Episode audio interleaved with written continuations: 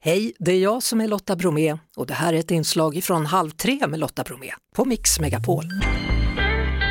Hörrni, tidigt i morse, klockan åtta, tidigt och tidigt, men ändå, så kallades det till presskonferens. Det var Sveriges försvarsminister Peter Hultqvist och migrationsminister Anders Ygeman som varnade för Sverigedemokraterna. Så här sa försvarsministern.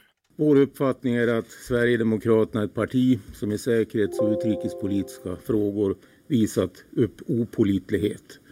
De har eh, utsett företrädare som ertappats med att ha besvärande kopplingar till både odemokratiska ledare, högerpopulistiska organisationer och eh, Ryssland och auktoritära stater.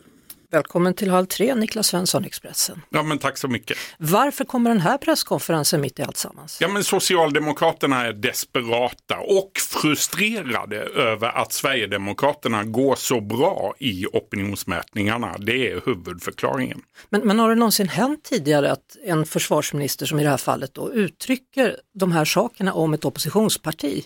Jag kan inte dra mig till minnes att eh, jag har upplevt något liknande i någon tidigare valrörelse. Det här är fullständigt unikt och det är ju otroligt allvarliga anklagelser som Socialdemokraterna här riktar mot Sverigedemokraterna. Men om man lyssnar på vad försvarsministern säger så handlar det om att Jimmy Åkesson i en intervju i Sveriges Television till exempel då inte valde mellan Joe Biden och Vladimir Putin.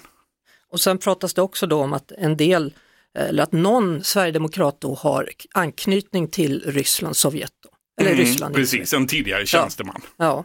Eh, SD har självklart reagerat på detta. Mm, det har de. det för desperata diktaturfasoner. Att man från regeringspartiet med ungefär en vecka kvar till valet väljer att måla upp den ledande oppositionsparten som ett hot mot, mot rikets säkerhet och utrikespolitiken. Det är ju någonting som man bara hört talas om från diktaturer och ingenting som borde förekomma i Sverige. Mm, så sa alltså Sverigedemokraternas Tobias Andersson och även Åkesson har reagerat kraftigt. Ja, det har han. Han har uttalat sig och sagt att det här är diktaturfasoner av Socialdemokraterna. Om vi lämnar det åt sidan så har det kommit ett utspel idag och det är det första som de blåa partierna har gjort tillsammans med SD. Ja, det stämmer. Ulf Kristersson eh, tillsammans med eh, Sverigedemokraterna, Kristdemokraterna och Liberalerna lovar att sänka elpriset för alla från och med första november. Och det är ju inte det första utspelet på det temat som vi hör, men det är faktiskt första gången som de här fyra kommer med ett konkret förslag tillsammans. Mm.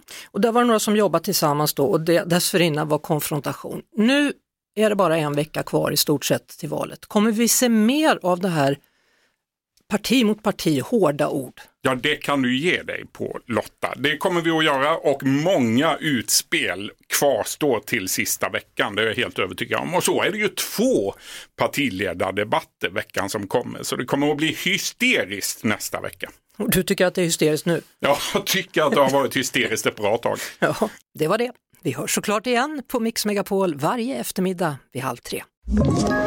Ett poddtips från Podplay.